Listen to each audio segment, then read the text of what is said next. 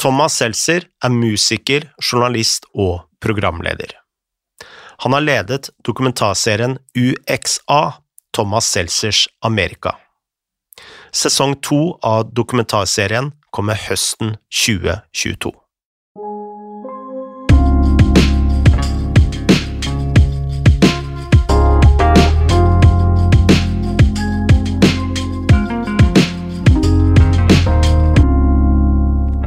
Velkommen hjem, eh, Thomas, kan jeg si det? Det kan du godt. Du har gjort uh, trøndere av deg. Jeg har gjort det trøndere av meg. Det er uh, Guds uh, kjempekule folk. Værmessig så er det landsdelen Gud glemte, eller som Gud kanskje uh, husker. Jeg veit ikke om han er sur for et eller annet, men det er jævla dårlig vær i, Trø i Trøndelag. Men du er glad i Oslo? Jeg er glad i Oslo, men hvor må man bo i Oslo hele tida? Nei. Nei. Når du ser sånne boligannonser, kort vei til eh, teater, kino det, Altså, jeg har vært på Nationaltheatret to ganger i mitt liv. Kino er på én gang i året. De, Har jeg, går på Last Train, jeg går på Last Train, jeg går på et, på et par steder på Youngstorget. Mm. Jeg kunne like så godt bodd på, på Nesbyen, for går, man går på de samme to eller tre stedene. Mm. Og nå bor jeg i Trondheim, som jo er veldig fin uteby, masse gode restauranter osv. Men som sagt, ekstremt dårlig vær. Det blir ekstra gøy å gå på Last Train når du først kommer til Oslo. Ja, det er det, altså. Mm. Det er det. Uh, jeg mener å huske at uh, dere i Turboneger dere hadde en sånn uh, anthem til Oslo. Altså Hver gang dere spilte i Oslo, så hadde dere en Oslo, jeg elsker deg, din gamle hore. ja, Er fin, eller? Ja, nei, eh, ja, den er fin. eh, Den, eh, Oslo er jo en gammel by, og det er en sliten by, og jeg er veldig glad i Oslo. Så jeg blir aldri Du kan ikke ta gutten Altså, du kan ikke ta Oslo ut av gutten. da. Minner meg om en av de første gangene jeg møtte deg. Det var på Du husker ikke meg sikkert, men det var i 96. Husker bare kjendiser, jeg. Ja. Nei, altså det var i 96, og P3 hadde en sånn beat-konsert på uh, Sentrum Scene. Harald Are Lund sto i bresjen, Ja. Og jeg spilte i bandet som varma opp for dere. Ja. Og hvilket band var det, da? Operasjon Dødsverk. Gjorde du det? Mhm. Kult navn, da. Jeg husker jo det navnet. Dere, hvor var det dere var fra? Tonsenhagen? Er Lørenskog? Lørenskog, ja. Lørenskog, ja. Så Det var deg og han Ulf Nygaard fra Folk og Røvere og Nei, nei, nei, det var Rolf Erik Nystrøm, han saksofonisten. Ja, ja, han. nettopp! Ja, ja, ja. Husker han, han spilte jo med Kåre and the Caveman, han. Ja, ja, ja. Kjempeflink. For vi spilte jo inn plate på samme tid som Kåre and the Caveman i Endless på Ja. Grønland, Ja. med Paul Klåstad som uh, produsent. Ja. ja, for dere var litt sånn Tomahawk, uh, dere var litt sånn eksperimentelle. Ja, var det ikke det? sånn, Litt sånn litt sånn. Mr. Bungle Uh, Ja, ja, stemmer det. Oppi den gata. og, og de spilte inn tre plater på likt. Altså det var Kåre, Kåre, Kåre, Kåre Caveman, og så var det Mm. oss, og så var det Jokkes første plate med uh, med disse Backstreet eh, Girls-gutta. Ja, Valenturettes. Ja. Og de kom jo alltid for seint til studio. Så husker vi uh, For de tror ikke på konseptet tid. De tror ikke på Så jeg og trommeslageren i Dødsverk uh, og Rolf Erik, vi gjemma jo litt med, med Jokke. Ja. Og da husker jeg han sa at eh, jeg har aldri spilt med så streite folk før. Fy faen. Både kompliment og ballespark. Begge deler. Og så husker jeg dere spilte en konsert hvor eh, eh, legenden Audun Strype oh, kjørte lead. Audun, han uh, Desibel strype, ja. Og det tror jeg er noe av den høyeste konserten jeg noensinne har vært på. Å nei, jeg vet det. Men- Han slo ned lydtekniker på Samfunnet i Trondheim en gang, som ville ha han til å skru ned, og det var under soundcheck. Men caveaten her, Ja. det var at jeg mener å huske at han sovna. Ja, det kan godt stemme. Audun er jo en spesiell type. ja. Han er jo en støy... eh, Men jeg skal fortelle en morsomt. Pål Erik Karlin, den første vokalisten i Turbo, han var utvekslingsstudent helt nord i California. Er en liten by som heter Crescent City. Med, kjent for krim, eh, krimfantaster, som byen der hvor eh, det store fengselet Pelican Bay-fengselet ringer. Som er sånn notorisk i i liksom California krimanaler. Eh, men der er jo i hvert fall to av disse her Mr. Bungle-folka, tror jeg, er derfra. Han gikk på skole sammen med noen Mr. Bungle-folk. Hva sier du om det? Ja. Spesielt. Ja, det er spesielt. Jeg mener han eh, keyboardisten i Mr. Bungle er en sånn mangemilliardær sønn. Å ja, shit. Ja. Tono litt sånn big tech. Arne Bendiksen. Sånn. Ja, noe sånt noe. Big tech. Little, little tech, det er ingen som snakker om. Eh, hvis vi begynner å pense inn på eh, UXA, den prisbelønte dokumentaren du, du har laget, og sånn sett fra sånn turboneger Prisbelønt fra den liberale med, mainstream-eliten, ja. Riktignok. Det må vi ha med som kaviat. Mm. fra feil side. Men eh, altså, du har jo turnert eh, både punkeruta eh, nedover Tyskland, som på mange måter er litt sånn politisk korrekt, og så har du jo eh, turnert uh, USA på Spill Tusen veldig, mange steder i USA. Live, det å spille turnere og spille live i USA betyr veldig mye. Det er noe helt annen kultur rundt det. Country, alle countryband, alle artister i USA skal turnere mye. Det ligger i, i amerikansk populærkulturs på en måte ryggrad. Det er derfor ofte når Kvartfestivalen for eksempel, skulle alltid ha de ferskeste, nyeste, hotteste britiske bandene. Så kom det jo folk-band over, ikke sant? Som bare Ocean Color Scene eller hva. Altså, de kunne jo ikke spille. For de hadde jo aldri, de hadde vært i studio noen ganger, liksom, så hadde de øvd litt. Men så amerikanske band, spesielt Black Flag, er jo kjent. Altså Den ruta som Black Flag lagde tidlig på 80-tallet, slutten av 70-tallet, tidlig, eller tidlig 80-tallet, de spilte til og med på Dennis, de. Og de hadde med seg en egen PA, og de plugga inn den PA-en, og de spilte i hver eneste lille drittby i USA, gang på gang på gang på gang. Og sånn- den ruta de lagde, den kan du lese om den boka Get in the Van, som Henry Rollins har skrevet, den ruta, flere av de stedene som på en måte ble oppfunnet nesten av Black Flag som live venues, eller live-byer, det la grunnlaget for den ruta som da liksom R.E.M., uh, Chili Peppers, altså som la grunnlaget for liksom den nyrocken som ble så enorm, eller til og med Guns N' Roses for den saks skyld, ikke sant, altså mm, Duff McKagan kom jo fra The Farts, og uh, altså kom jo fra hardcore-ruta sjøl, sånn at det, um, det er en sånn kul amerikansk tradisjon. da. For eksempel Peavy er jo et forsterkermerke som blir uglesett i uh, europeisk Du ser aldri noe britisk inn, eller du ser liksom aldri noe sånn fine liksom kreddige band som spiller på Pivi, men Pivi det er liksom Suzuki Land Nei, det er liksom eh, Toyota Land Cruiser. Det er liksom det er arbeidshesten, det er John Det er grå Hva, heter den? Grå, gråtassen. I, I amerikansk rett og slett kulturliv er Pivi-forsterkere. Altså alle countryband, countryrockband, altså spiller Pivi, går aldri i stykker. Uh, Takk trodde- for meg. Jeg trodde du var en Ampeg-mann. jeg. Jo, jeg er jo amp... Jeg hadde, jeg hadde sånn, eller hadde i hvert fall, jeg vet ikke om jeg har det, fins det lenger? Gibson vet jeg blant annet, så har jo sliter jo veldig med altså gitarer selger ikke, gitaren har ikke samme betydningen i unge menneskers liv som det hadde da vi var unge. Er det sånn at Så jeg lurer på om ikke Gibson rett og slett har, om det, har de gått konk, eller har de bare lagt ned veldig mye av produksjonen? Men jeg, de, altså, det selges ikke gitarer lenger, sånn som det ble for bare 25 år siden. Mm. Men når du snakker om Black Flag eh, eh, Dette med turnering Starta ikke Henry Rollins uh, som uh, roadie for uh, Black Flag? Nei, han starta som roadie for um, For Minor Threat, eller hvordan var dette her igjen? Nei, han, han var nok ikke roadie, han, um, han var vel fan. Fan, ja. Han jobba på Hagendass, uh, en iskremsjappe i Washington DC. Ja, det stemmer. det.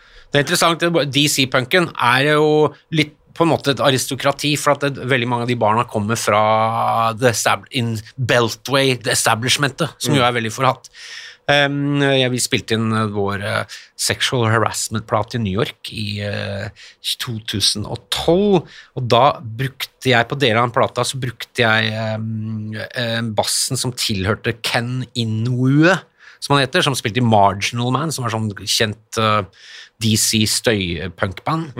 Faren hans er Daniel Inu, som jo altså, hoved, altså flyplassen i Honolulu er oppkalt etter, altså senator Ja. for Hawaii i mange år.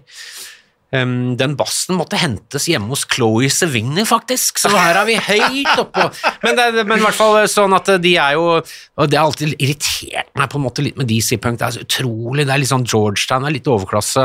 Poison Idea, mitt favorittband, var jo i krig med DC hardcore, altså Ian Mackay, Ian Mackay som han jo nå heter. Minor Threat og Fugazi og Altså Disco bandene. Record av Ian Mackay, faren hans var skribent i eh, Washington Post, blant annet kryssordansvarlig, Ja.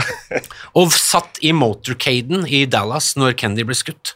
Det var, en presse, det var mange mange biler i den prosesjonen, Ja. og ganske langt bak så var det en egen pressebuss.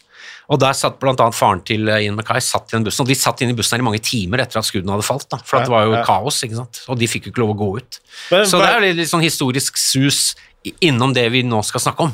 Hva er det eh, med Washington-punken som irriterer deg litt? Nei, det er bare at det er liksom, det er jo åpenbart, det er maktas barn da, som liksom boltrer seg. Men Mm. når det er sagt, altså Minor Threat, altså det første virkelig store Washington DC-bandet etter Bad Brains, riktig nok, altså disse svarte fusion-musikerne som oppfant hardcore punk. Mm. De kom jo altså fra sånn svart lavere middelklasse i Washington DC, fra militær og liksom security staff, politi nærmest, familier. De, de gutta. Men altså, Minor Threat er jo er og blir et av verdens eh, feteste band. Så jeg har akkurat bestilt faktisk en langerma Minor Threat T-skjorte. Du ble ikke noen straight edger. Du vet, det er gammel punker. Det er sånn, det er det er sånn som folk i NRK ofte sier. Du vet, det er gammel punker. Vet du. Jeg var jo veldig interessert i straight edge, men jeg, du kan ikke, det er vanskelig å gjennomføre i Follo. Det er som å være, det er som å være gullfisk og være imot vann, på en måte. Altså, jeg er jo sånn en tredjedel fra Snarøya, så jeg tenker jo Jeg så jo over til deg. Ja. Men jo, din gamle kollega og venn Christer Falk, han greide det. Det er det eneste Follo-mennesket jeg veit om som ikke drikker. Ja, han er standhaftig. Han er gal. Han er gal. Ja. Han, ø, Jeg velger å ikke kommentere. han er gal. Stakkar mann. Et fint menneske, da. Ja, Christer er dritkul. Han er veldig kul. Eh, Men eh, spørsmålet mitt var egentlig altså, du- Christers mørke hemmelighet er at han er ikke så psykopat. Det minner meg om eh, eh, Du gjorde jo et fantastisk intervju med Christer i eh, sånn type 97 eller 98, som eh, I rapport. I wish. Nei, Natt og dag. Som nesten på en måte er litt sånn aktuell rapport, når du tenker på Nesten. ettertid. Ok, nok om det. Ja.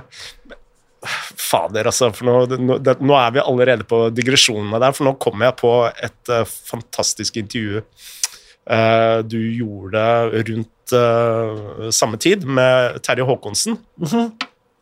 Eh, og før denne diskusjonen så har jeg snakka litt med felles bekjente. For jeg mener jo at eh, det er en ganske rød tråd mellom ditt eh, både musikalske virke og journalistiske virke egentlig sånn fra dag én. Da. Eh, og det er litt uh,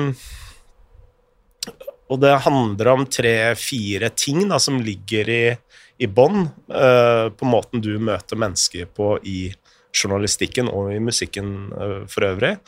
Og det handler litt om eh, fraværet av fordømmelse. For eksempel, eh, av de svakeste. Mhm. Eh, utrolig empatisk tilstedeværelse.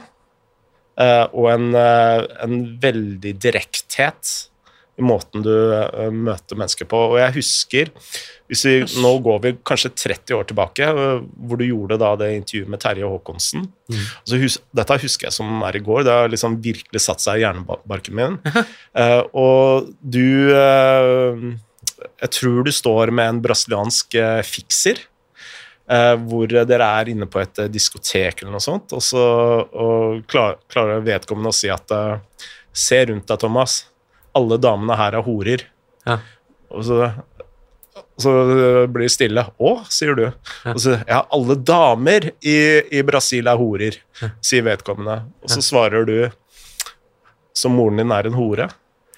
Eh, og sånn I første omgang så kan man kanskje bare le og at det er et morsomt ting, men eh, det du er, er ufattelig flink på, da, det er jo å menneskeliggjøre eh, Umenneskeliggjøre, altså. Nei. ja, nei, de du uh, altså, øh, Som en hore. Du, altså, du er lavest på rangstigen, men du menneskeliggjør dem. Da. Og det syns jeg var veldig fascinerende med å se første sesong av UXA. Fordi fra et norsk perspektiv da, så tenker man at alle som stem, stemmer Trump, er jo stokk dumme. Mm. Men etter serien din så blei det sånn Jeg har full forståelse Ja. for at mange mennesker i USA stemmer Trump. Mm. Så det var min eh, lille analyse kult, av deg, Thomas. Nei, det er bra Ja, det er litt sånn vanskelig. Jeg snakka med en kompis i dag som er litt sånn litt konservativ. liksom Prøver å finne sånn stå Men jeg tenker at jeg er litt sånn Jeg er litt sånn gubb... Jeg er litt høyrevridd, egentlig, i hjertet. Det, for jeg tenker at det liksom, uh, den skattebetalerne blir liksom må, Det må være lettere å starte bedrift og sånn. Jeg bare har de der følelsene her, liksom at folk må jobbe hardere og sånn. Men så er jeg litt venstrevridd i huet, for jeg tenker liksom det derre Sånn jeg hører sånn Ayan Rand-folk som snakker om fritt, frie valg og Eh, Sånn så ble jeg litt sånn der Jeg tror eh, Ja, altså er du født inn Du er født inn Du får de valgene du får, liksom. Du får ikke utlevert fritt valg. Altså, du kan ville det du vil. Altså, du kan gjøre det du vil, men du kan ikke ville det du vil, på en måte. Hva som bestemmer preferanser og alt dette her, er veldig struktur eh, forårsaka, da. Så jeg syns det der med fri vilje og liksom det er bare å skjerpe seg og alt det der, syns jeg er litt sånn der ah. Og det er um, egentlig det jeg syns er det litt skumle med den tida vi er inne i nå. Det er uh, med liksom populisme, som jo egentlig er et hedersbegrep. Jeg anser meg selv for å være populist. Populismen ble starta i Kansas, altså min fars gamle hjemstat, på 1890-tallet. Største tredjepartiet USA noensinne hatt, Populistpartiet, som var et sosialdemokratisk bonde- og arbeiderparti. Um, som da gikk, talte liksom uh, pengeeliten midt imot, ikke sant? Um, og uh, når jeg ser liksom den derre Når jeg ser liksom Tucker Carlson i dag liksom bruker de begrep... Altså den derre eliteskepsis, og så tenker jeg at dette er jo juks, og det er fake, og det er uh, jævla kynisk. Uh, og jeg tenker at det, du er ikke for den lille mannen. Du vil at den lille mannen bare skal få det verre, men du liker å jazze opp Fox News, ja, du liker å jazze opp den lille mannen, eh, men du vil ikke ha Du er imot et egalitært samfunn. Du er imot at den lille mannen skal få mer plass, eller lille kvinnen skal få mer plass. Mm. Ikke sant? Um, du tar uh, makta som naturgitt. Ja, men det er noen som har klart Noen skal bestemme mer. Altså, det er jo mye av de tingene som jeg mener er kanskje kjernen av uh, et fascistisk uh, verdenssyn. da. Mm. At makta den er naturlig, vet du må la, må la de sterke styre. Slapp av nå, lille, lille dritt, liksom. Bare innordne deg. Altså det derre De anti-egalitære, da. Altså egalitær som betyr altså lik, likhet. De der anti-egalitære strømningene som ligger nå og suser og ligger og vibrerer under overflaten, og egentlig og ganske langt oppi overflaten nå. For eksempel det som skjedde 6. januar, var et eh, angrep på et egalitært USA, eller på egalitære grunnverdier som ligger nedfelt i, i, i den amerikanske forfatningen. Mm. Men uh, altså, åpningsspørsmålet mitt var egentlig altså, Hva er det uh, turnélivet har eh, Altså, du, har jo en eh, amerikansk far, Mm. eh, og han har jo sin erfaring Hvis jeg husker rett, så var han også fagforeningsmann. Ja, det er en lang historie, men altså Bestefaren min var fra Texas, han var jo en progressiv eh, type. Mormor, eh, farmora mi var fra Kansas og kom jo fra eh, min Altså, min oldefar var ganske ung, men min tippoldefar vet jeg var en del av denne populistbevegelsen. Så vi kommer fra denne progressive prærietradisjonen. De opplevde jo 30-tallet i USA, med, også med støvstormene blant annet, som jo var en klima, rett og slett en økologisk krise.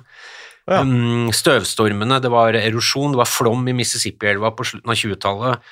Uh, eh, og, og så kom det mye tørke, sånn en gjørma ble til støv. Og så var det feildyrking av jorda. Altså Det var sånn, det var ikke ordentlig vekselbruk man, Jeg vet ikke hvordan man Man må jo dyrke Altså- jorda med en viss eh, eh, Litt strategisk. så Dette var jo bli- også under de harde 30-tallene. ja, ikke sant, så- så det var en perfekt storm av både børskrakk og økologisk krise, som rett og slett eh, Altså, folk døde av sult i USA, folk døde av tørst, folk døde av storm, altså av, av eh, sand, eller av storm, nei, støv i lungene. En veldig god podkast er eh, hvis du vil høre altså Kanskje beste podkasten jeg har hørt om amerikansk samfunn, er sønnen til David Allen Coe, altså han derre ganske harde outlaw-trubaduren. Kjenner du til han? Nei. Han er liksom uh, Waylon Jennings uh, uh, møter um, Eller Merle Haggard møter Gigi Allen, nesten. Altså, han, er en, han er kanskje den hardeste av etablerte countryartister i USA. Han har en sønn som heter um, Faen, hva er det? han heter Co... Jeg husker ikke fornavnet, men den heter Cocaine, eh, Cocaine and Rhinestones og handler om countrymusikkens historie. Ja. Og han har en lang episode om uh, Merle Haggard-låta um, Okie from Muskogee. Mm. Og Oken var jo fra Oklahoma, det var støvstormens eh, episenter. Og egentlig hva den sangen betyr kulturelt, hva var det Merle Haggard mente, hva sier den om tiden den kom i? Ikke sant? Den handler jo om Det er, et, det er bygdas svar på hippiene. Bygdas svar på det de oppfatter som Men det var mange lag av eh, sarkasme og ironi og, eh, og karikatur i den. Mm. Men der, snakker, der får du vite historien om støvstormen. altså Det var en flom i Mississippi i 1927 som jo både skapte støvstormen seinere, men også skapte langt på vei rock'n'roll. Fordi at den skapte en massemigrasjon nordover blant svarte til Chicago og Detroit. Ehm, og altså veldig mye av amerikansk kultur, moderne kultur, har, kan knyttes til den flommen i 1927. Ja. Så det er veldig artig hvis du har lyst til å høre om virkelig amerikanske 20. 20. århundre, så sjekk ut den episoden av uh, Cocaine and, uh, and Rhinestones om um, Merle Haggard sin Okie from Muskogee. Eh, jo, men i hvert fall de kom derfra. Faren min eh, ble, var da i denne uh, Vokste opp Kansas City. Han, det var to søsken, og han og søstera, altså min tante Janie, han ble etter hvert akademiker. Hun valgte Hun gikk inn i amerikanske arbeiderklasse, eller altså mm, service og Jobba på Coleman, de som lager sånne lanterner, blant annet. Jobba på Coleman sin fabrikk. Eh, Lang historie, men iallfall. Um, og um, sånn at det er, det er jo det I 2016 så dro vi tilbake og besøkte noen av kusinene mine.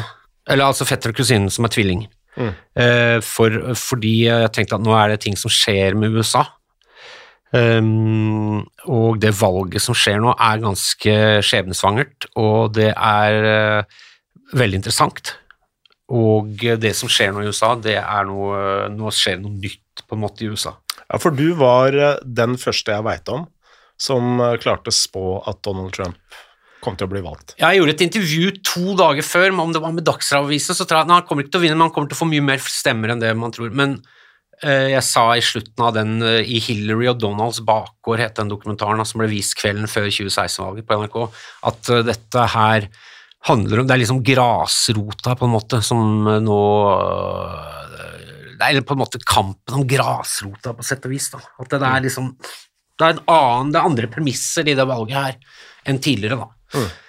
Um, og det ble det jo veldig, veldig tydelig, veldig, krystallisert da med Trump, som da denne outsideren, uh, åpenbart med ganske store personlighetsforstyrrelser, eh, og en på en måte for manglende forståelse av eh, ting som eh, objektiv sannhet, eller altså eh, men eh, altså, det var jo en herlig skue å se han eh, under nominasjonskampen til republikanerne, når han pekte på disse andre Altså Bush og Marco Rubio, altså Jeb Bush, da, Marco Rubio og disse folka bare sa 'jeg har gitt penger til deg, jeg har gitt penger til deg, jeg har gitt penger til deg'. Altså Det var noen herlige stunder der, og jeg syns jo det var ganske kult. Og jeg spådde når jeg sa at han kom til å vinne, så var det jo sånn Folk i det norske republikanske miljøet som ble rasende og sa at du er, du er en slags Trump selv, du, Seltzer. Så, og nå ser jeg, men nå har de dilta etter, for nå liker de Trump, fordi at uh, demokratene vil jo ha critical, race theory på skolen, da, så da må vi jo holde med Trump allikevel. Men uh, tilbake til det rally som du var på, og du nevnte dette med populisme og propaganda. Altså, hvordan er det å være uh, på et sånt rally som virker Ja, men jeg har ikke vært på en Trump-rally, jeg. Jo, du har intervjua noen Har du ikke det? Nei. Jeg mener eh, du var det. Nei Jo, altså, jeg Jeg har vært på QAnon-møte, eller sånn rally-seminar. QAnon-møte var det. Ja, i, i. Vegas. Vi kom Ja. oss ikke inn. Jeg, jeg greide å komme meg inn først. Vi prøvde å snike oss inn, og så ble vi ferska, så ble vi liksom geleida ut. Ja, altså, den QAnon Altså, konspiteori er et eget kapittel i amerikansk historie. Amer, Amer, Men, men det er en viktig del av eh, forklaringen av Trump. Ja. Det er veldig, og veldig viktig, i hvert fall når man skal snakke om det som skjedde 6. januar, Mm. og The Big Lie. Ja. Eh, nå så jeg, I dag så var det en stor greie i New York Times om eh, hvor de har en del, det har blitt ganske, ganske mye forskning på, på The Big Lie, og hvem som tror på hva, og hvorfor de gjør det. Og uh, The Big Lie, bare for å klargjøre Det er det at, det er. eh, at det er Trump som egentlig vant valget i 2020. Ja. Men at eh, stemmer, det ble lagt inn masse falske stemmer, Trump-stemmer ble destruert, Mm. Det kom lastebiler midt på natta, eh, og eh, til tross for at Trumps er, altså, er folk som er eh, tungt eh, konservative, altså republikanske valgadministratorer i, i, disse her vippestatene, sa at nei, beklager, men dette her var helt uh, gyldig. Det var helt ryddig, liksom. Det var Dessverre, det var, det var ikke Trump som vant. Var ikke det blant annet i Kansas? Kansas er jeg ikke helt sikker på, men Kansas er ganske, har vært ganske republikansk nå. Det er litt sammensatt også. Eh, Nå har de jo en demokratguvernør igjen, så det er noe med eh, Altså, det er, vanskelig for eh, norske Ikke sant, norsk for å si det sånn, norske medier og norske høyrerabulister og norske mainstream-media og amerikanske høyremedia har det til felles at de annet fremstiller folk som Hillary Clinton, Bill Clinton, Obama, Biden. De fremstiller noe sånn som blanding av Che Guevara og uh, Einar Gerhardsen og Stein Lillevolden. Ja, for det er mye snakk om ytre venstre. Ja, det er ytre venstre, men også at de, liksom at Bill Clinton, som er kanskje det mest effektive Han var en mer effektiv Reaganitt enn det Ronald Reagan selv greide, pga. sine manglende kognitive evner. Reagan, altså han som innførte NAFTA, frihandelsavtalen, som jo rett og slett ødela amerikansk industri. Industri, han, han innførte, fjernet reguleringen på bankene i, i 1999, som jo førte til finanskrisen. Eh, Han fjernet masse velferdsordninger. Eh, altså Han var en beinhard reaganit, men han var en reaganit som hadde Fleetwood Mac til å spille på eh, innsettelsesfesten sin. Ja. Det er forskjellen. Ja. Ikke sant? Og det er det Hillary også er, en reaganit men som har buk buksedress, men hun, liker, hun har Fleetwood Mac på spillelista. Det er forskjellen, ikke sant. Um, men i alle fall, det er det som Altså, for eksempel hvem som stemmer på Trump. Den jevne Trump-velger, i hvert fall i 2016, var egentlig var stort sett de som alltid har stemt republikansk. Men han greide å få velgere som hadde stemt på Obama i 2008, og til en viss grad i 2012, i tre viktige eh, tidligere tradisjonelle eh, Democrat-stater, altså industristater, Wisconsin, Pennsylvania og var Michigan eller Ohio, eh, til sammen 72 000 stemmer som brakte han inn i Det hvite hus. Så det er de stemmene det er de stemmene jeg syntes var interessant i 2016, eller jeg på en måte forutså. Sånn som kusina mi som sa jeg, som jo er tungt uh, oxy-avhengig, man jo, det var han jo åpen på når vi var der sist, Mm. ikke sant, og har levd et uh, tøft liv nederst uh, i amerikansk uh, sosioøkonomi. Um, hun sa jeg stemte, jeg trodde på Hope and Change i 2008, stemte Obama, og så liksom rister opp i huet. I 2012 så stemte jeg ikke på noen, ikke sant? og nå skal jeg stemme på Trump. Det er den bevegelsen der som er interessant. Men det at det, liksom, folk som er medlem av country club og går med pik pikéskjorte og eier en bedrift, eh, liksom at de stemmer republikansk, det er jo eh, det er ikke så interessant. Det er ikke noe mer interessant enn at eh, en eller annen sosiolog på et eh, universitet stemmer democrat. Altså, det er ikke noe det, det sier ikke noe om det sier ikke noe om samfunnet, men det, den bevegelsen som ga Trump, som jo også ga Trump den seieren, den er interessant. ikke sant? Når til folk som alltid har stemt eh, på ett parti, skifter over til et annet parti, så er det noe som skjer. Vi ser jo litt av det samme, ikke litt av det samme, vi ser noe, noe lignende i eh, Sverige, hvor f.eks. ganske mange medlemmer, altså folk som er medlem av svensk LO, stemmer S- Sverigedemokraterna. Ja. Så kan vi si å, er dere har blitt lurt av nazisme, eller er det andre ting? Mm.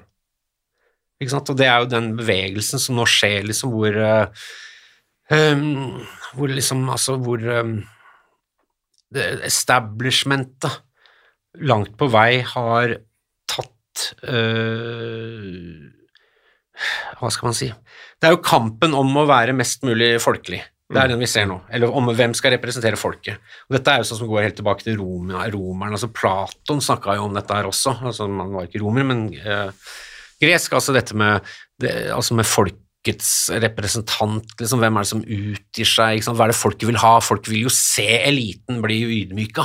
Folk vil se, ikke sant når eh, Berlusconi steller seg bak en kvinnelig parkeringsvakt og driver og lager jokkebevegelser, så er det klart at ja, ikke sant, det appellerer jo til ganske mange. Men allikevel, det er allikevel han som er sjefen hennes. Det er noe med at det spillet der, da. Men uh, tilbake til den eh, Kunan-rally som du Nå merka jeg det var veldig lite sammenhengende her. Ja, men at du avbrøt meg der, da Men jeg kan bruke det som en slags unnskyldning. Jeg skulle egentlig knyte dette sammen til noe, men det kan du Nei, men du ødela det, Frode. Takk. Nei, men det er greit. Det er. QAnon Rally. Det er min oppgave da, å bare ødelegge det her. Um, nei, jeg bare tenker på altså, Du som uh, musiker også um, og jeg, jeg, men Vi snakker om eh, propaganda og eh, populisme. Er det noen sånne kulturelle uh, grep de også bruker for å liksom få med seg eh, massene, som eh, Ja, et veldig Altså, det er jo et, hvis, eh, hvis noen har lyst til å lese noe veldig interessant, så er det jo å lese om Edward Bernice, som oppfant PR, oppfant propaganda. Moderne propaganda var en stor inspirasjonskilde for Josef Goebbels, blant annet. Altså propagandaministeren eller, og arkitekten, propagandageniet til Adolf Hitler. Som jo eh, som skjønte det at eh, følelser er mye sterkere enn eh, tanker, eller følelser er mye sterkere enn fornuft. Hvis du greier å forandre følelsene til noen, eller appellere til følelsene til noen, så har du, så har du dem med deg.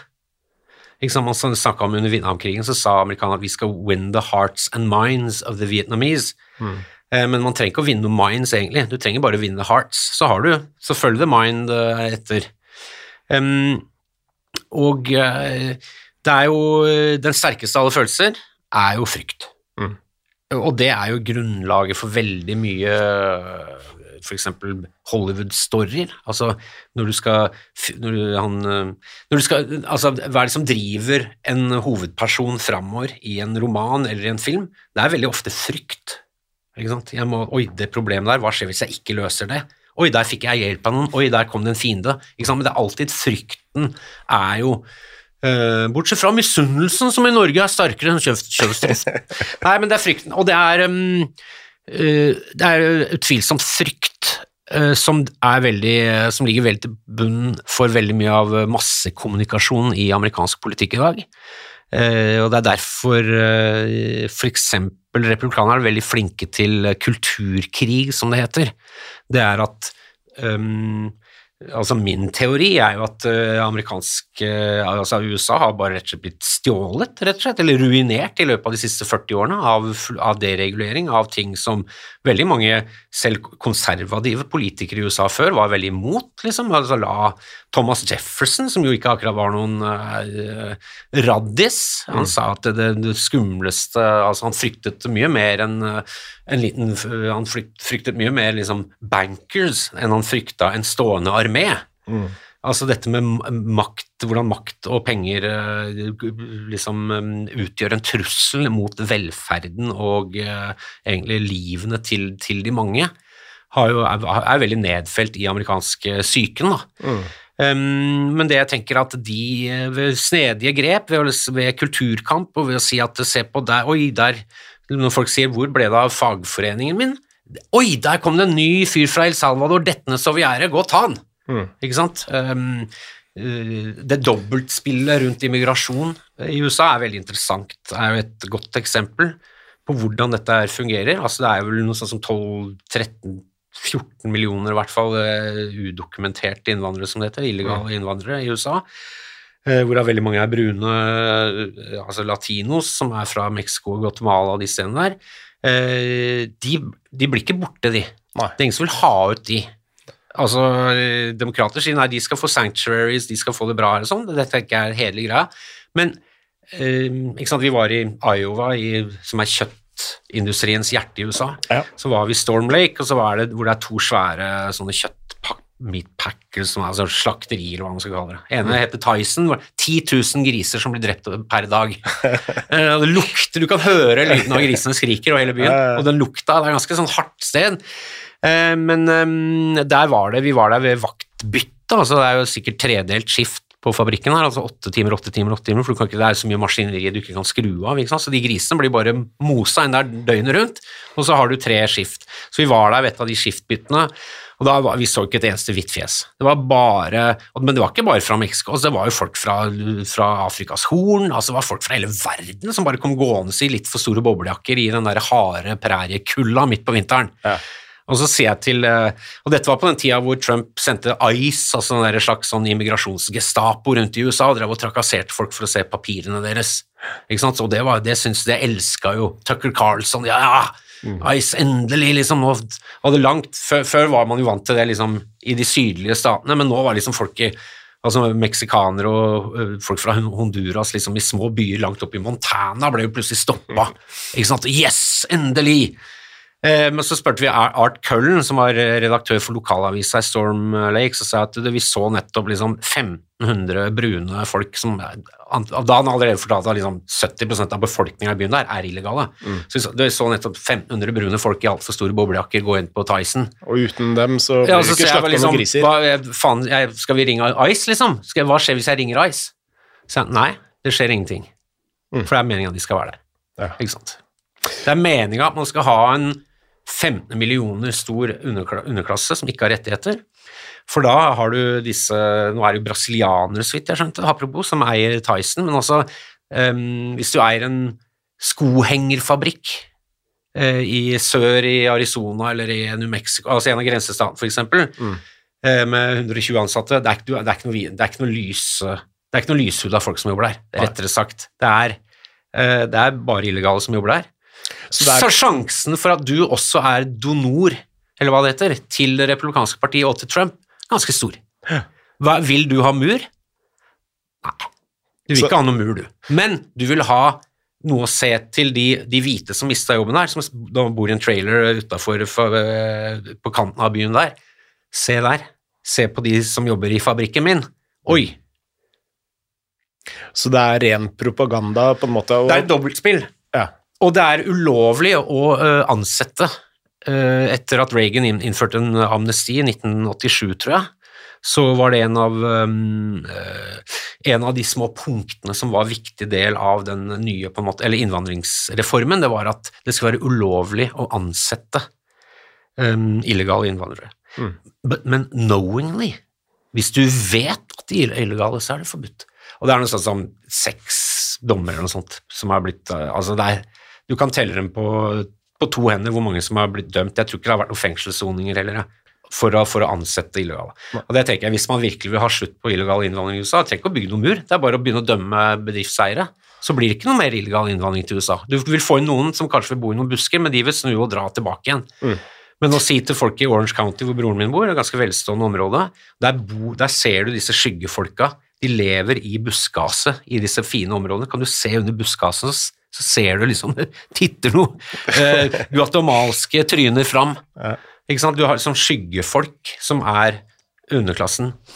Hvis du hadde sagt til de, eh, liksom, eh, disse hvite republikanerne med de store plenene sine at hvis du, hvis du ansetter han der for å klippe plenen din, så går du i fengsel, så ville han vil han dratt tilbake til Guatemala eh, uka etter han.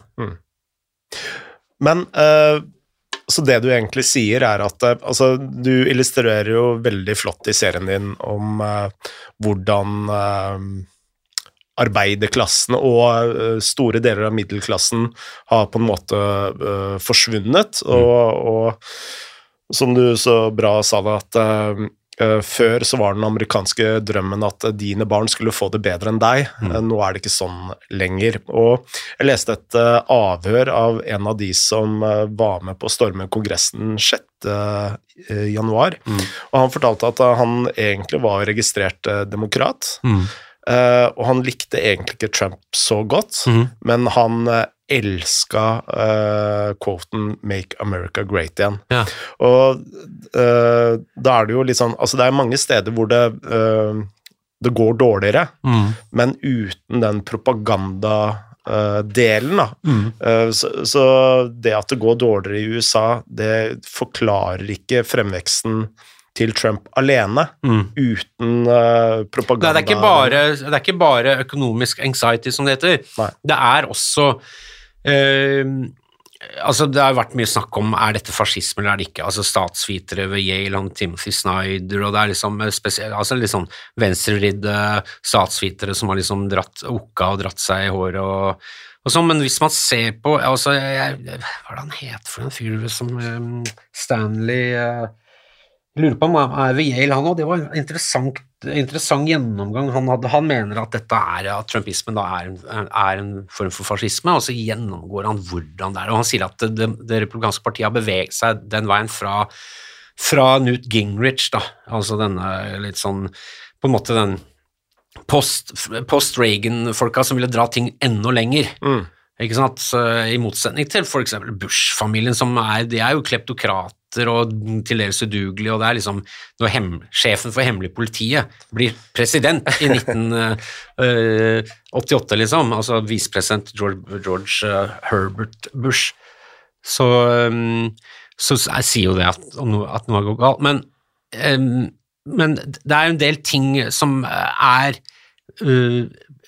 påfallende, og det er at um, hvordan ta denne 40 åra med middelklassen, når du har mista alt, du har jobba hardt. Avtalen med amerikanske drøm var at hvis du jobber hardt, så skal du få du skal, ikke sikkert at du skal få det så mye bedre, men barna dine skal få det bedre, og det skal være mulig å akkumulere velstand fra generasjon til generasjon. Mm. Primært ved huskjøp. da.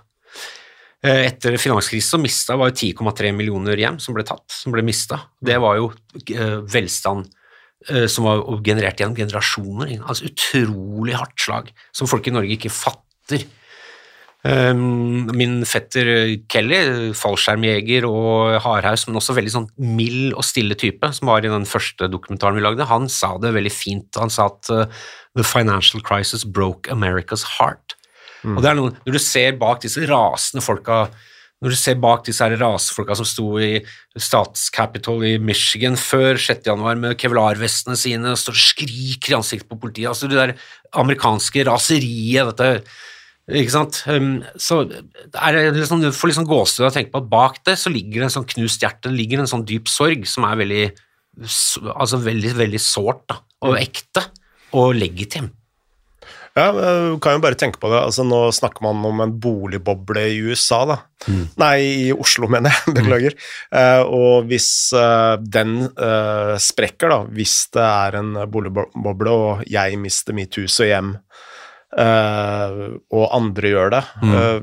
er vel først da jeg egentlig kan eh, kjenne på kroppen hvordan det føles å være amerikaner. Mm. Uh, og akkurat det der du sier med hus og hjem, det er jo noe helt essensielt, da. Ja, det er veldig essensielt, og det er en veldig viktig del av det å kunne gi noe videre. Altså Det er jo grunn, eneste grunn til å jobbe.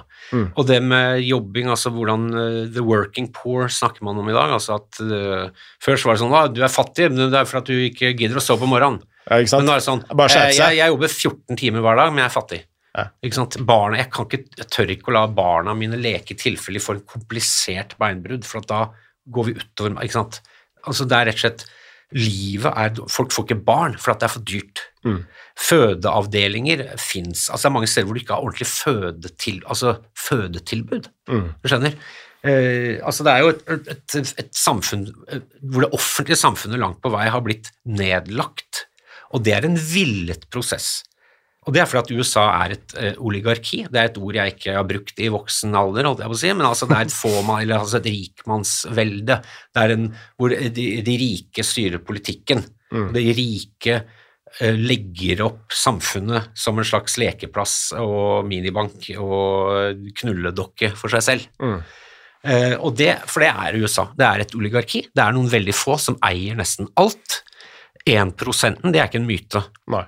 Eller myte ved 1 når man tror det er 1 det er ikke det. Altså, Av 1% så er det en sånn tiendedels prosent som virkelig har mye. Mm. Altså Det er helt latterlig hvor få som styrer så utrolig mye av det amerikanske samfunnet. Og dette er ikke noe raddis, dette er ikke venstre-marxistprat, altså dette er Steve Bannon sier det. Mm. Livet i USA, for de aller fleste uh, på, Han sier det er sosialisme på toppen. Ikke sant? Altså, de store konserneierne får jo masse penger. Man snakker om tax write-offs. ikke sant? Mm. Eh, Band måtte jo for øvrig gå fra Trump-administrasjonen, for han ville jo ha en litt toppskatt. Så jeg har en litt sånn soft spot for band, men jeg mener også han er en livsfarlig type. Mm. Men altså, eh, man tror at rik for, altså de store konsernene i USA at de får skattefradrag. De får ikke bare det, de får overført penger fra staten for tap for, for, liksom Altså, det er subsidiert Altså, det amerikanske næringslivet er tungt subsidiert. Ja, og det skjedde jo også under finanskrisen i, i 2008, yes. hvor uh, veldig mange av de rike fikk uh, vi kaller det på godt norsk, da, fikk penger av staten rett i lomma. Og det er vel kanskje det Oi. Oi. Det er uh, Vent, jeg, jeg skrev meg på en sånn derre uh, Forex-greier, for jeg kjeda meg for noen år siden. Og nå driver de folka og ringer. Skal vi bare høre hva som sier her. Hello? Hello?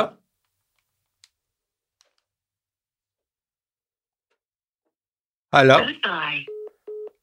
Goodbye, Hva er det for noe? Ja, det er gøy, ass. Det er eh, østeuropeere og sånn som sitter i London. Så, "My- My name is Nigel. Så, Nei, det er, no, it's not. Men altså Eh, jo, jo, jo ja. altså bailouten etter eh, Hva er det det heter for noe? TARP, var det det det ble kalt? Nei, det var jo Eh, subprime i 2008. Ja, men altså, nei, de kalte Ja. for bailouten. Ja, det er TARP, ja. Ja, ja, nettopp. Eh, Men eh, ja, altså det var jo Hvor stor den bailouten var, er man vel ikke sikker på i dag. Altså Derom strides de leide. Man har ikke, det, det var så mye penger som ble overført at man har ikke helt oversikt over det. Eh, Men jeg vet at det er en eller annen eh, sånn eh, økonomihistoriker som har sagt at det, det er den største overføringen av rikdom i moderne historie. Ja. Men altså fra ovenfra, nedenfra og opp. Ja, og det var jo ikke bare overføringen, det var jo også måten de satte ned renta på. Uh, som i praksis gjør at de som har masse assets da, i aksjer f.eks. og eier selskaper, så vil jo prisene på disse aksjene vil jo gå rett til himmels fordi du putter penger fra rentepapirer over i aksjer. Eh, så det eskalerer også den eh, overføringen av eh, rikdom, da. Ja, at det blir sånn, hva heter det, sånn eksponentiell vekst. Altså at det er for, forskjellen mellom 100 desibel og 101 desibel er liksom Ja. Det er ikke bare en lit, et lite notch opp, det er dobbelt. Altså, altså det er bare en sånn utrolig sånn eksplosiv Ja, nettopp. Nei, ja, altså det var jo en gigantisk feil fra Kongressen og fra Obama. Dette jo, skjedde jo i, liksom i overføringen av eh, Det hvite hus fra mm, og, og også Kongressen. altså de, de, Demokratene fikk jo supermajoritet i begge kamrene. fra Bush eh, og Cheney til, em, til Obama. Bilindustrien fikk vel det samme, de tre store. altså var det vel Ford som sa nei, tror jeg faktisk, til å få stimuli, til å få en sånn bailout-pakke. Um, men de fikk også veldig mye penger. Men da vet jeg, for, altså Nancy Pelosi blir jo hata veldig. Hun er en sånn uh, kjip overklassedame som er veldig lett å hate på. Men hun lagde en ordning hvor hun sa dere skal få masse penger, men dere skal betale tilbake alt sammen. Ja. Og bilindustrien tror jeg faktisk har betalt tilbake alt sammen. Ja. Eh, og det er også fordi at det er en industri hvor det er eh, litt seriøsitet, fordi at er- fagbevegelsen har ennå en del makt der. Eh, man. Det betyr også at man har innsikt i styrerom, eller i styre og stell, som man ikke har i uorganis uorganis mer uorganiserte se, industrisektorer. Um, så Union of American, altså UAW, er ganske mektig fremdeles, og har også da eh, noen styrekontakter, i hvert fall. Um, og det, men i hvert fall, så der ble det betalt tilbake. Men det jeg skal fram til, altså hverdagslivet for de, for de aller fleste i USA er en darwinistisk eh, jungel. Det er et helvete. Um, og det, de aller fattigste kan du få noe eh, food stamps. Det er ikke sosialbudsjett engang, det går via jordbruksdepartementet i USA, denne matsubsidiene som fattige får. Um, og altså det er, Du har den der økonomiske anxietyen, du har det der med å kunne, at du skal jobbe, får ingenting igjen. Um, det ødelegger jo det, Sånt blir det dårlig stemning av. Det blir sånn catchphrase i UXA-redaksjonen at hvis peker på noe, sier vi og sånt blir det dårlig stemning av. Og det er veldig mye i USA man nå kan peke på og si at og sånt blir det dårlig stemning av. Ja. Men det blir dårlig stemning når du bygger ned eh, Altså når du tar en middelklasse og kansellerer klassestatusen deres. Eller du tar en arbeiderklasse og dytter dem enda lenger ned i prekariat, da, altså at du, du er bare fullstendig i, i fritt driv, som ø, Ja.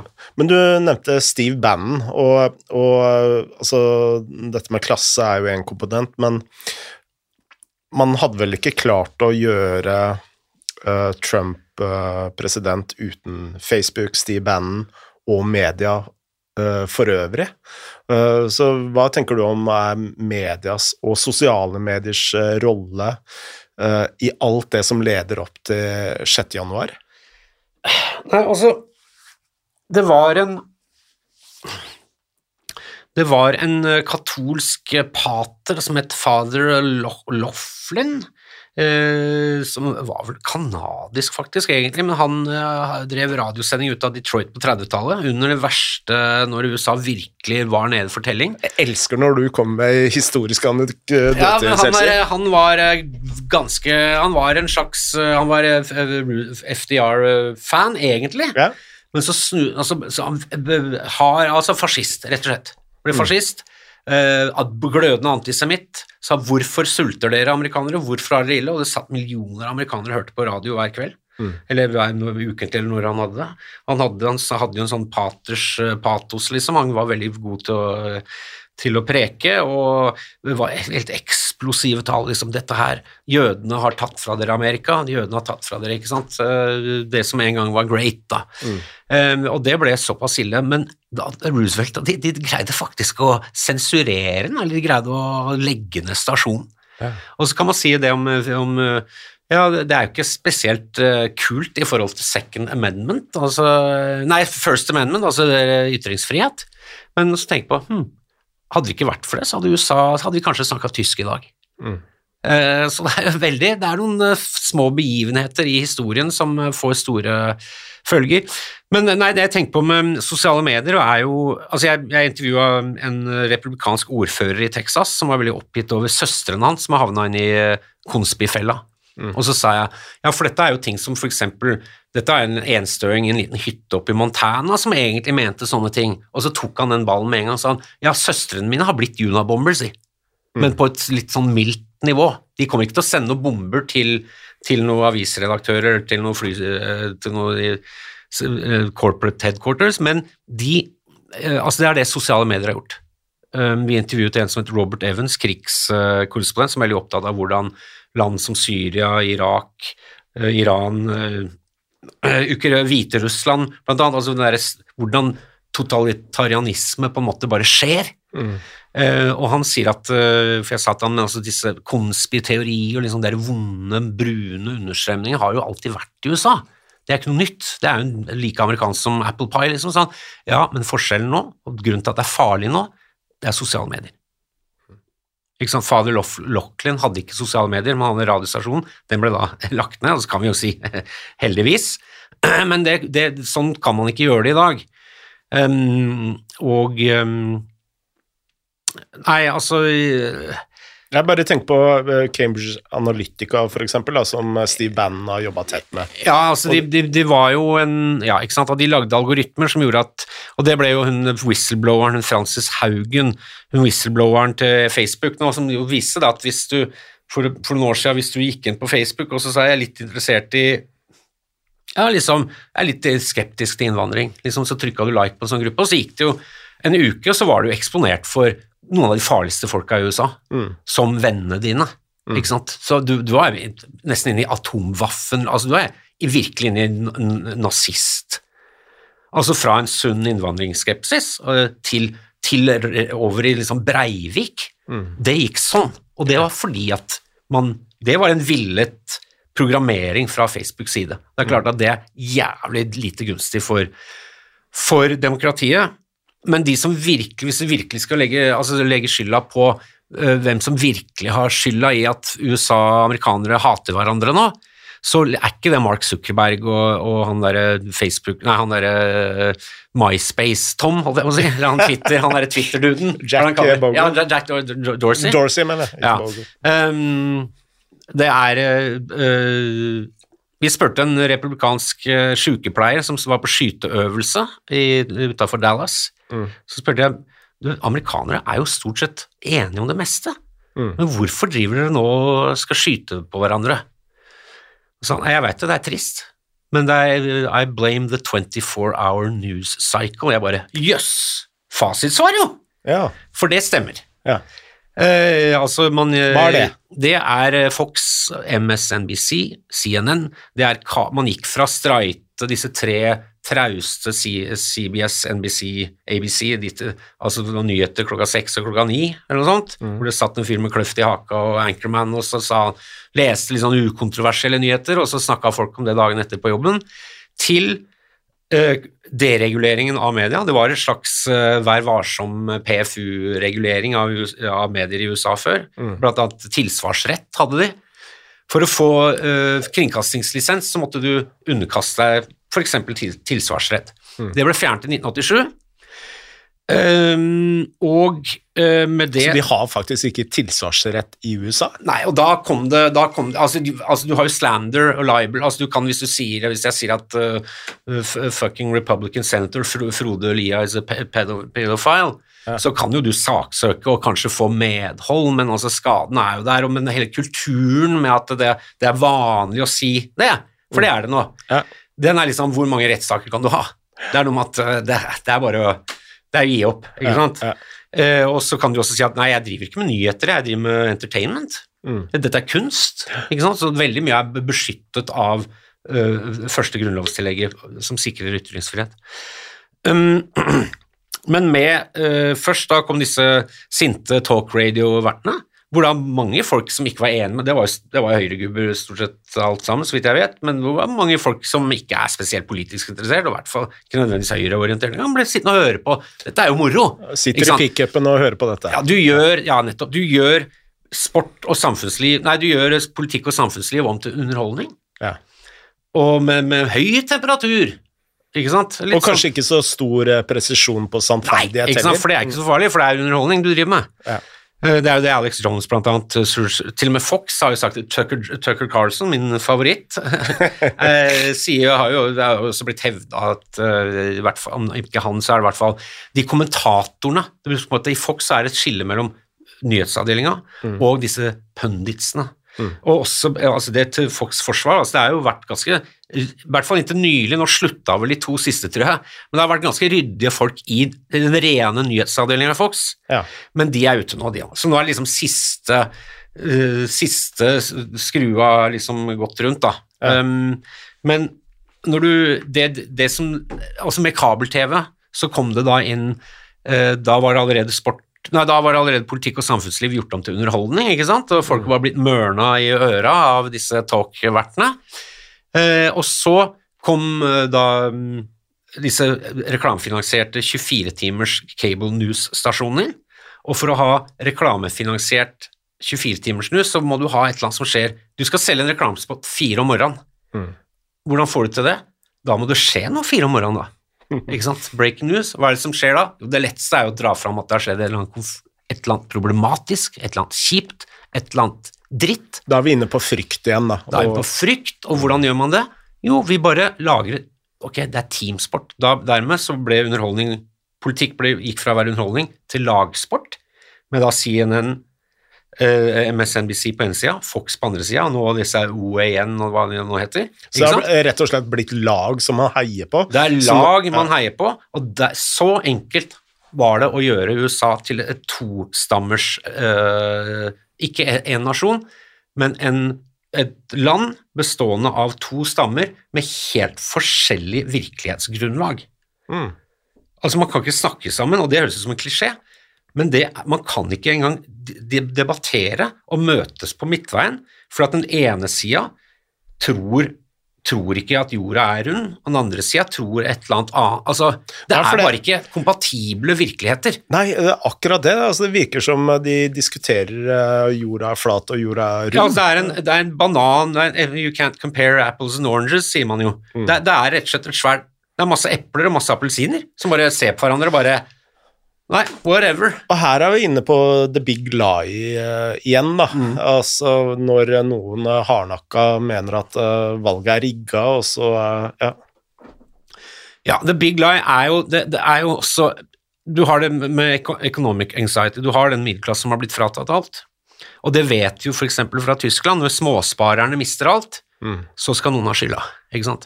Og det er der det mørke kommer inn, og det er jo dette med rase og etnisitet og USA som smeltedigel eller salatbolle, eller en slags dødelig cocktail. Med, og der er det veldig mye politisk ikke sant? Og hvis du, du skal ikke skrape alt på my, for mye under the big lie for å se at um, Som jeg sa på Dags 18, som det var noen som ble sure på, jeg sa at eh, det de, når de sa 'stop the steal, stop the steal' 6. januar, altså at de mente at valget hadde blitt stjålet, så en del av dem Når du da ser sørstatsflagget også vifte deg i lufta ved siden av, det de egentlig handler om, er stopp the vote, altså stopp, vi, stopp demokratiet vi vil av. For dette går gærne veien. Dette går vekk fra hvitt overherredømme til en brunere Amerika, og de stemmer ikke sånn som vi liker at de skal stemme. Og Hvis du ser på veldig mye av retorikken, de sier alltid well, look at Detroit, look at Philadelphia, look at uh, um, New York, look at Atlanta. Ikke sant? De bare ramser opp de største svarte byene i USA, så sier de der skjedde det noe. Gærent. Hm, det som skjedde, var jo at Biden vant. Men uh, det at noen ikke sant, svarte velgere er synonymt med juks eller ugyldige stemmer, og det, det stikk, og man trenger ikke være veldig woke for å vite at en, disse tingene du trenger, ikke å vite, du trenger ikke være altfor woke, du trenger heller ikke å vite altfor mye om Amerika til å vite at de tingene her ligger og vibrerer i ryggraden til folk, og ligger og vibrerer på en måte i lufta på måter som folk ikke alltid nødvendigvis kan sette ord på selv. Når Trump startet sin politiske karriere med birtherism, altså med å, med å si at Obama er ikke den rettmessige presidenten, få se fødselsattesten din, ikke sant? Eh, At, at John McCain, den republikanske Han var faktisk ikke født i USA, han var født i Panama, men på en amerikansk base. Det kunne man jo skapt litt komplikasjoner om. Men altså ved å si at siden du ikke er født på amerikansk jord, du er født i Kenya, hvilket han da ikke var, så kan ikke du bli president. Det han egentlig sa, var at en som deg skal ikke bli president. Hvis det skjer, så er det noe gærent, det er noe høl i matrixen. Og det å si jeg vil se eh, fødselsattesten din, det er en eldgammelt nærmest rituale hvor man spurte frigjorte, slav, eh, fri, eh, frigjorte slaver få se papirene dine. Det å spørre en svart mann om å se papirene, det er, noe, det er, en, det er et tungt historisk sus over det, som jeg, jeg er ikke sikker på at Trump selv er klar over det, skjønner du? Men jeg tror det ligger nedfelt i han. I hvert fall så er Såpass vi venstre vil deg, ja. Det er, jeg tenker at sånne makt og strukturer og hvem som, skal, hvem som er hvem og sånn, det tror jeg ligger i å vibrere litt i kroppene våre. Kall meg kultur, kall meg marxist, men det, det tror jeg veldig på, og det tror jeg også mange av de som sto der um, i 6. januar, mange av de også tror jeg ikke er nødvendigvis uttalt liksom, har, kanskje har så mye mot brune folk, eller Men jeg tror det ligger så mye i det. Men nå så jeg i, i dag i New York Post har du eh, al- altså spørreundersøkelse blant For nå er det så utrolig mange republikanere som tror at valget ble stjålet. Mm.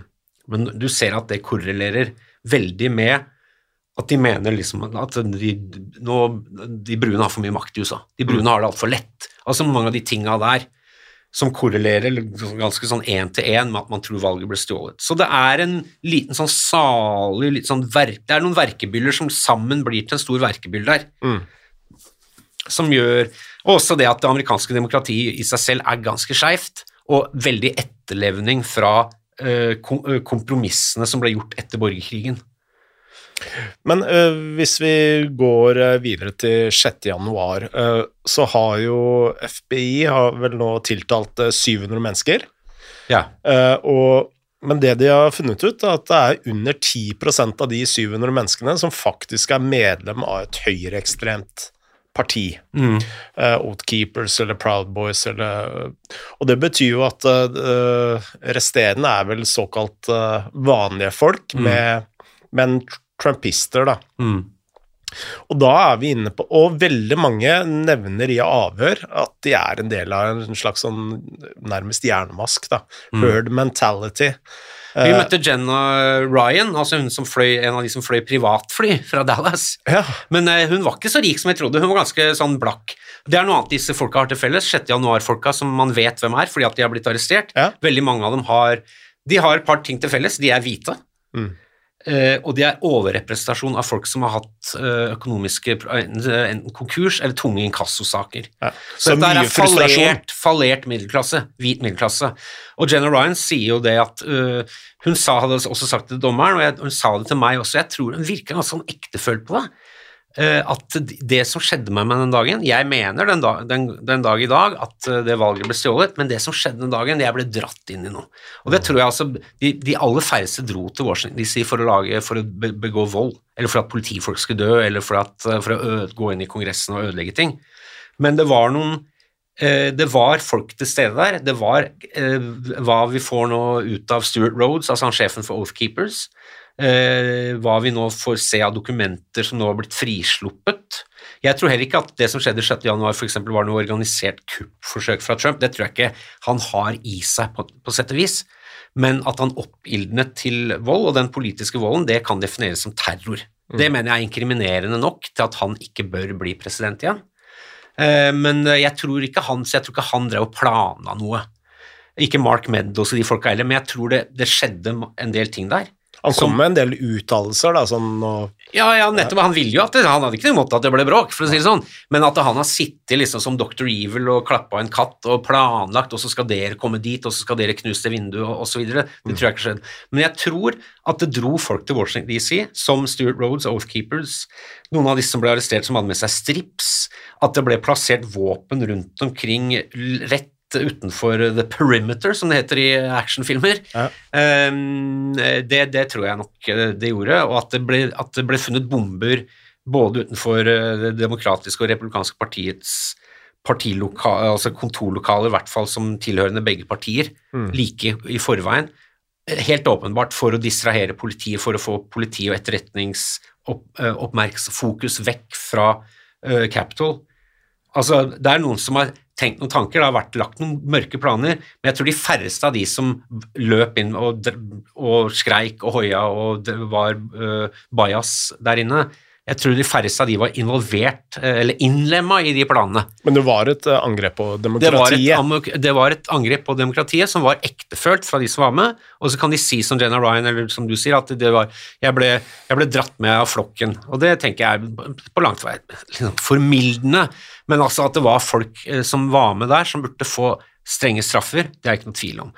Og også folk på venstresida av USA, altså, det er et eksempel hvor det var en en, eh, to liksom, sosialister som i forkant av eh, som i etterkant av valget sa at vet du hva, vi må lage en liksom, uh, vi må organisere en skikkelig fet demonstrasjon for å sikre valgseieren. altså at, Bare for å vise at vi vil ikke finne oss i noe dritt fra republikanerne. Mm. Og om det var noe sånn Og vi må fortsette å bevæpne oss, eller noe sånt. Det var noe sånn bisetning. Fordi veldig mange venstresidefolk er også bevæpna i USA nå. Det er, det er, sånn som man ikke får med seg i Norge. Eh, men eh, han ene der tror jeg fikk en ganske heftig fengselsdom. Kan de eh, på sikt også utgjøre en like stor trussel som Proud Boys og, Proud Boys og Outkeepers? Og Nei, men jeg tror det, det med våpeneierskap i USA er også veldig kompleks.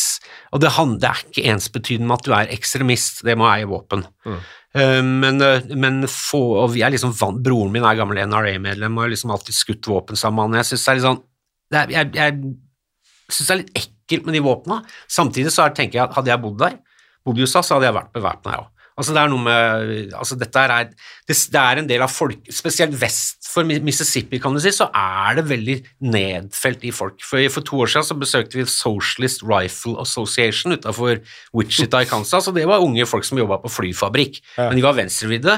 Men de sa at primært så må vi ha våpen, for vi bor i lavinntektsområder. Hvis det skjer noe hos deg, hvis det er noen som er på vei inn gjennom vinduet ditt, i traileren din, liksom, så kommer ikke politiet, for politiet gidder ikke å betjene det lavinntektsområdet du bor, for de får ikke funding til det, og de blir ikke sponsa, det er ikke viktige nok folk som bor der. Så man må rett og slett beskytte seg selv og sin egen familie mot liksom psykopater og kriminelle og junkies som skal ha ting. Mm. Og dette er, dette er liksom folk som hadde Karl Marx-bøtten. Liksom. Altså, dette, er, dette her er en del av livet vest for uh, elva, kan du si. Og det er veldig mye som uh, særlig også Norge ikke uh, klarer å ta helt inn over seg. Da. At ja, det er, at, er, sånn. Konteksten, da. Kontek men det er også fordi at våpenlobbyen i USA har hatt en veldig veldig tung slagside mot Høyre. og hvis du ser Uh, så som Broren min var medlem av NRA, men han meldte seg for noen år siden. og Det, det var en periode altså NRA, National Rifle Association, altså ja. største våpen... Lobbyen? Det, det, lobby, ja, det gikk fra å være en sånn sportsmanns... Liksom sånn skytterlagforbund i Norge som handla om våpenvett. De mm. tinga der, hvordan oppbevare Nei, må husk å Og så må du pusse rifla, altså de greiene der. Ja. Til å bli en høyreekstrem organisasjon som oppfordrer til borgerkrig. Mm. De har en egen TV-kanal, NRA TV. Hvis du, hvis du, er lei av Black Mirror, så vil jeg anbefale NRA TV, for der er det en skuespillerinne, ganske pen, mørk, eh, mørkhåra skjønnhet, som heter Dana Loge, som, eh, Loesch, Loesch, som ser inn i kamera og sier at They're coming for your guns. They're coming for your family. Eh, og det er ganske scary. Vi må snart eh, avslutte, men eh, eh, du gjorde et intervju på Dags... Nei, ikke Dagsrevyen, men Dagsrevyen. Viste et intervju du hadde gjort med politimann Aquilno Connell. Connell, Gonell, ja. ja, han er sersjant i eh, Capital um, Police Department, ja. Ja, og det var et eh, veldig rystende intervju. Eh, Mm. Det ligger på nrk.no, så det er bare å, å logge seg inn og se på. Eh, Men han snakker veldig mye om at han er bekymra for en sånn eh, permanent tilstand for, eh, med politisk vold og, Mm. og terror i USA. Deler du den bekymringen? Helt klart. Jeg tror, jeg tror vi går mot noe som kan ligne en form for borgerkrig, men ikke en, som borgerkrigen i 18, på 1860-tallet, hvor det var med to deler av landet mot hverandre. To adskilte på, som møttes på midten, på Mason-Dixon-Dixie Line, og, så sto og skøyt på hverandre oppå på et jorde. Mm. Eh, men jeg tror vi går inn i noe som ligner på den tilstand som folk f.eks. i Israel levde, i mange år, folk i Nord-Irland. Altså dette med at politisk at terror kan oppstå når som helst, hvor som helst, rammer, rammer vilkårlig. Altså den konstante øh, um, konstante tilstand av beleiring og øh, krise og frykt. Mm. Eh, og liksom bevæpning, altså bevæpning og overvåkning og alle de tinga der, den, det, det er det USA går inn i nå. Mm. Thomas, utrolig hyggelig at du kom. Jeg lærte utrolig mye. Takk for det. Eh, Som eh, ja, altså Jeg leser jo mye om dette og ser masse ting, men eh, denne timen eh, lærte meg masse nye ting. Takk for det. Hyggelig å være her. Og som alltid, du, eh, du er en hyggelig kar. Takk for det. Uh, anbefaler alle lytterne våre til å, eh, å se dokumentarserien din uh, UXA. Uh, Ja, og så kommer det en ny runde i september, Ja. kommer den, episode, den, den, den sesongen, på en måte. Høres ut som vi lager med Netflix. SE2 Narcos 2. ja, Nei, SO, nei S02, og så E-episode Ja. Ja. ja Narcos UXA2, ja. Det er bare å binge når den kommer i september, tror jeg. Da sier vi det. Da er det bare å binge. Takk. Moderne media.